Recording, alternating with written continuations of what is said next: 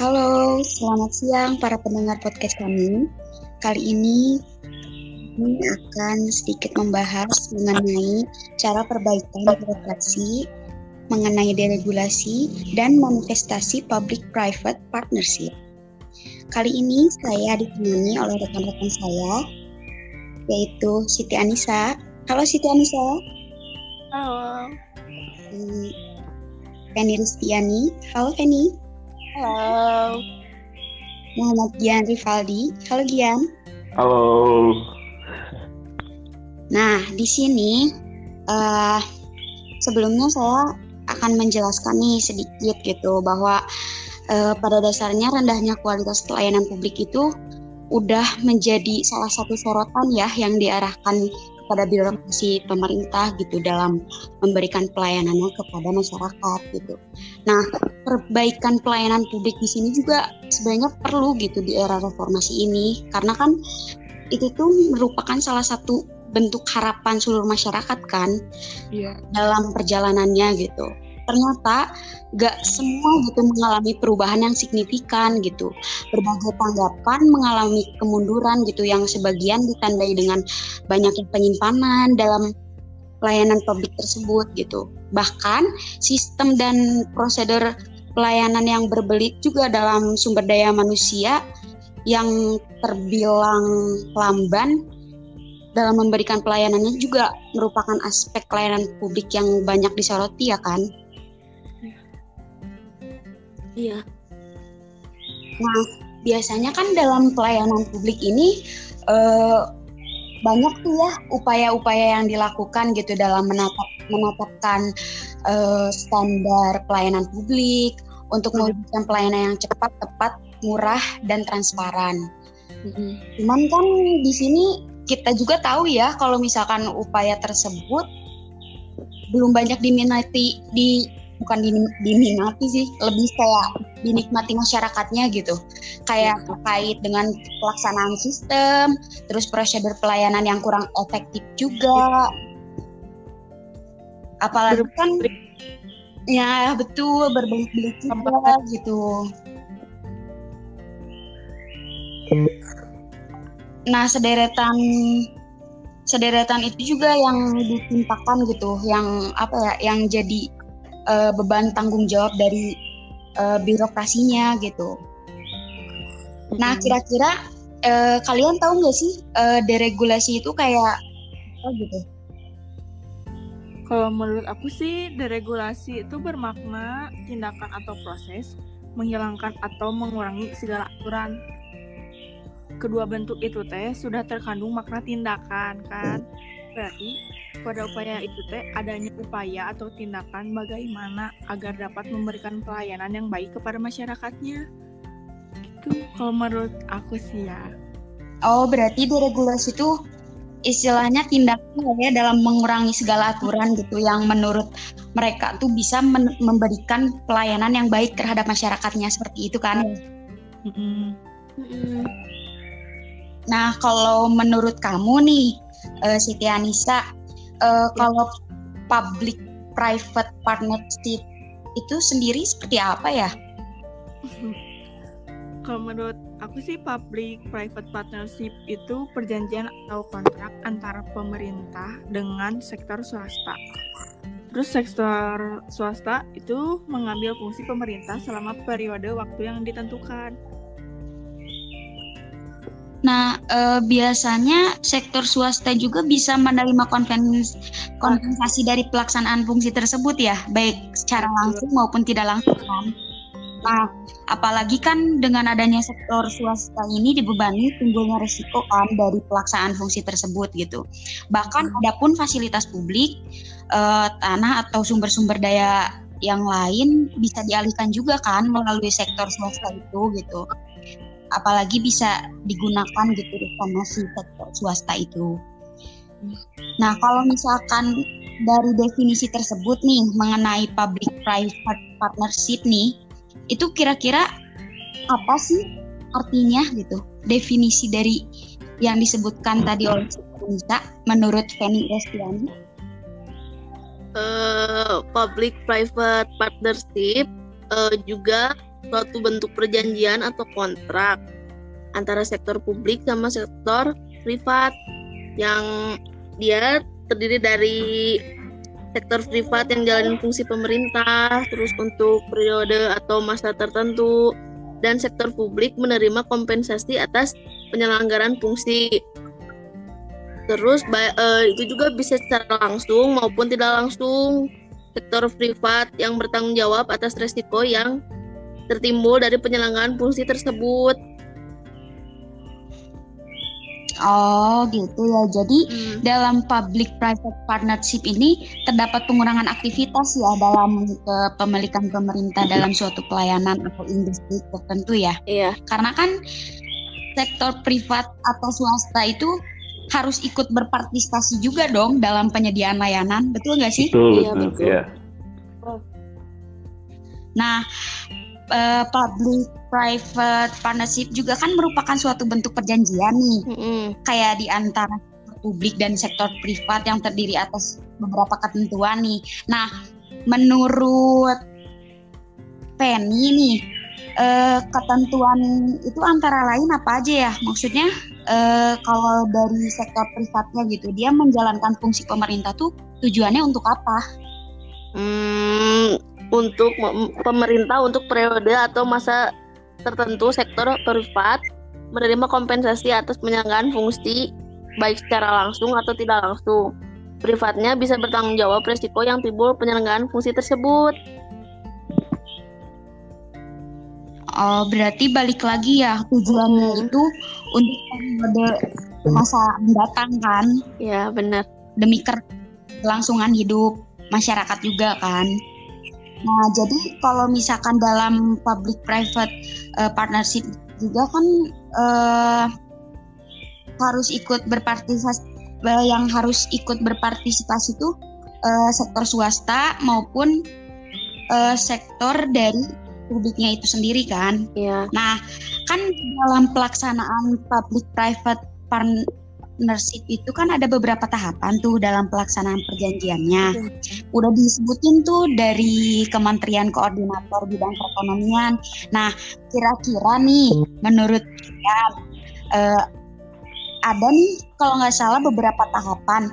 Nah, kira-kira yang Dian tahu nih beberapa tahapan dalam pelaksanaan perjanjian tersebut apa aja? Oke. Okay. Uh, pe pelaksanaan private publik dalam ada beberapa tahapan. Yang pertama itu kan ada pemilihan proyek. Yang kedua ada iya. konsultasi publik.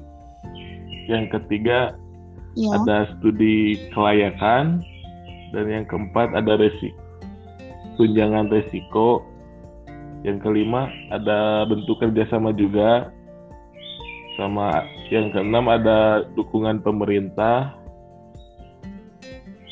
Yang ketujuh pengadaan proses pengadaan tender yang dilakukan dalam tahapan-tahapan. Dan ada juga yang kedelapan pelaksanaan periode proyek dilakukan dalam pada ditandatangani suatu proyek sampai berakhirnya proyek tersebut. Dan yang ke sembilan ada pengawasan tujuan dan pemantauan proyek kerjasama antara pemerintah swasta dan pemerintah negeri. Sama ada pula ada pula beberapa karakteristik dan public private partnership di antaranya uh, ya adanya tujuan adanya persetujuan antara pihak pemerintah dengan pihak swasta dan juga ada kedua belah pihak menerima konferensiasi secara langsung maupun tidak langsung Oke, jadi maksudnya Gian itu sebenarnya di dalam uh, public private partnership ini kan ada beberapa tahapan kan dalam pelaksanaan perjanjiannya. Menurut Gian sendiri kan ada pemilihan proyek, konsultasi publik, studi kelayakan, tinjauan resiko, bentuk kerjasama, dukungan pemerintah, pengadaan, pelaksanaan periode, pengawasan tujuan. Terus uh, ada juga kan beberapa karakteristik dalam public private partnership itu. Uh, menurut Gian sendiri kan adanya persetujuan antara pihak pemerintah dan dengan pihak swasta. Begitu juga kedua belah pihak menerima kompensasi secara langsung maupun tidak langsung. Ya, betul, betul kan seperti itu. Mau tanya dok, Apa? Tanya apa? Boleh? resiko itu digunakan untuk apa sih? Nah, kalau tinjauan resiko itu kan tujuannya itu lebih kayak apa ya? Untuk mengidentifikasi berbagai resiko gitu dalam proyek gitu. Misalkan nih uh, terdapat hal-hal yang uh, bisa mengurangi resiko tersebut dari sebuah proyek yang akan dilaksanakan. Nah, biasanya ada usulan pengalihan resiko kayak gitu sih. Mm-mm. Nah, sebenarnya di sini juga kan eh, apa ya perjanjian kerja juga kan sesuai dengan hasil pelaksanaan gitu, khususnya sebagaimana diperlukan untuk penyesuaian tarif gitu, berbagai masalah dan perubahan yang mungkin muncul nanti untuk ke depannya gitu. Makanya dengan adanya eh, tahapan dalam pelaksanaan perjanjian itu perlu gitu, perlu kita cermati juga gitu, biar nanti ke depannya kita juga nggak salah kaprah lah istilahnya dalam pelaksanaan perjanjian tersebut gitu yang disebutkan sama Kementerian Koordinator Bidang Perekonomian. Nah, konsep public uh, private partnership juga kan dapat menguntungkan ya untuk negara gitu sebagai pemilik aset. Karena kan pihak swasta dapat menyediakan bantuan dana gitu dalam pembangunan infrastruktur, terus bisa menjalankan operasional gitu apabila aset yang dijadikan objek telah selesai gitu proses pembangunannya gitu. Terus kalian tahu nggak sih sebenarnya masing-masing pihak juga mendapatkan keuntungan loh baik secara langsung maupun tidak langsung gitu dari kerjasama ini gitu. Hal ini tentunya menguntungkan pemerintah tahu sebagai pemilik aset serta sektor swasta itu sendiri gitu. Nah, dengan diterapkannya prinsip public private partnership ini tentunya dapat mengubah sudut pandang dalam pengelolaan BMN gitu. Saat ini di mana uh, eh, BMN itu kan yang idol banget lah apabila dikelola secara profesional gitu. Itu tuh kalau misalkan si BMN-nya bisa dikelola dengan secara profesional bisa memberikan keuntungan, keuntungan yang besar gitu buat negaranya sebagai pemilik BUMN gitu. Uh, Kalian tahu nggak sih uh, kira-kira BMN itu apa? Ada yang tahu nggak? BNN itu barang milik negara. Jadi semua barang yang dibeli atau diperoleh atas beban anggaran pendapatan dan belanja negara atau berasal dari perolehan lainnya yang sama ya, gitu. Oh, kayak gitu ya. Intinya barang milik negara lah ya, yang bisa dijadikan aset gitu dalam negara tersebut gitu. Nah, uh, terakhir juga kan banyak sekali tuh sektor yang biasanya didaya gunakan atau dimanfaatkan dalam konsep uh, public private partnership tuh.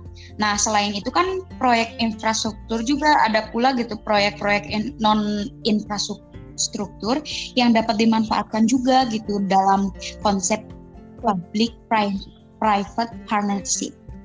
Ya enggak sih?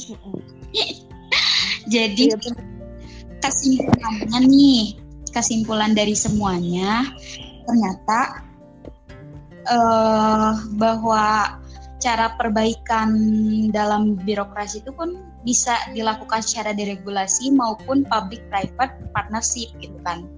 Nah, kalau dari deregulasi itu sendiri tindakannya dengan cara uh, menghilangkan segala aturan gitu yang menurutnya apa ya perlu ada upaya-upaya lah dalam memberikan pelayanan yang baik kepada masyarakat. Terus yang keduanya juga ada public private partnership di mana uh, public private partnership ini juga uh, lebih mengedepankan sumber daya manusianya lah gitu dalam perjanjian suatu kontrak gitu antara pemerintah dengan sektor swasta yang lainnya gitu. Gitu kan? Iya, ya gitu, gitu. ya mungkin ya percakapan kita di siang hari ini mungkin selebihnya kita juga perlu apa ya perlu bimbingan juga lah ya maksudnya harus lebih banyak mencari tahu gitu mengenai deregulasi dan public uh, private partnership itu seperti apa. Cuman dari kita mungkin segitu aja dulu ya. Ya, ya mungkin segitu dulu aja. Ya mungkin dari beberapa pendengar podcast kita juga agak sedikit bingung mungkin ya dengan apa yang kita bicarakan dari awal sampai akhir. Cuman uh, intinya kita hanya memberikan apa ya suatu uh, suatu penjelasan lah ya mengenai kedua uh, cara perbaikan birokrasi tersebut. Oke okay guys, uh, cukup sekian podcast kita kali ini dan semoga bermanfaat dan sampai jumpa lagi. Bye bye. Bye. Terima kasih ya semuanya. Iya, sama-sama.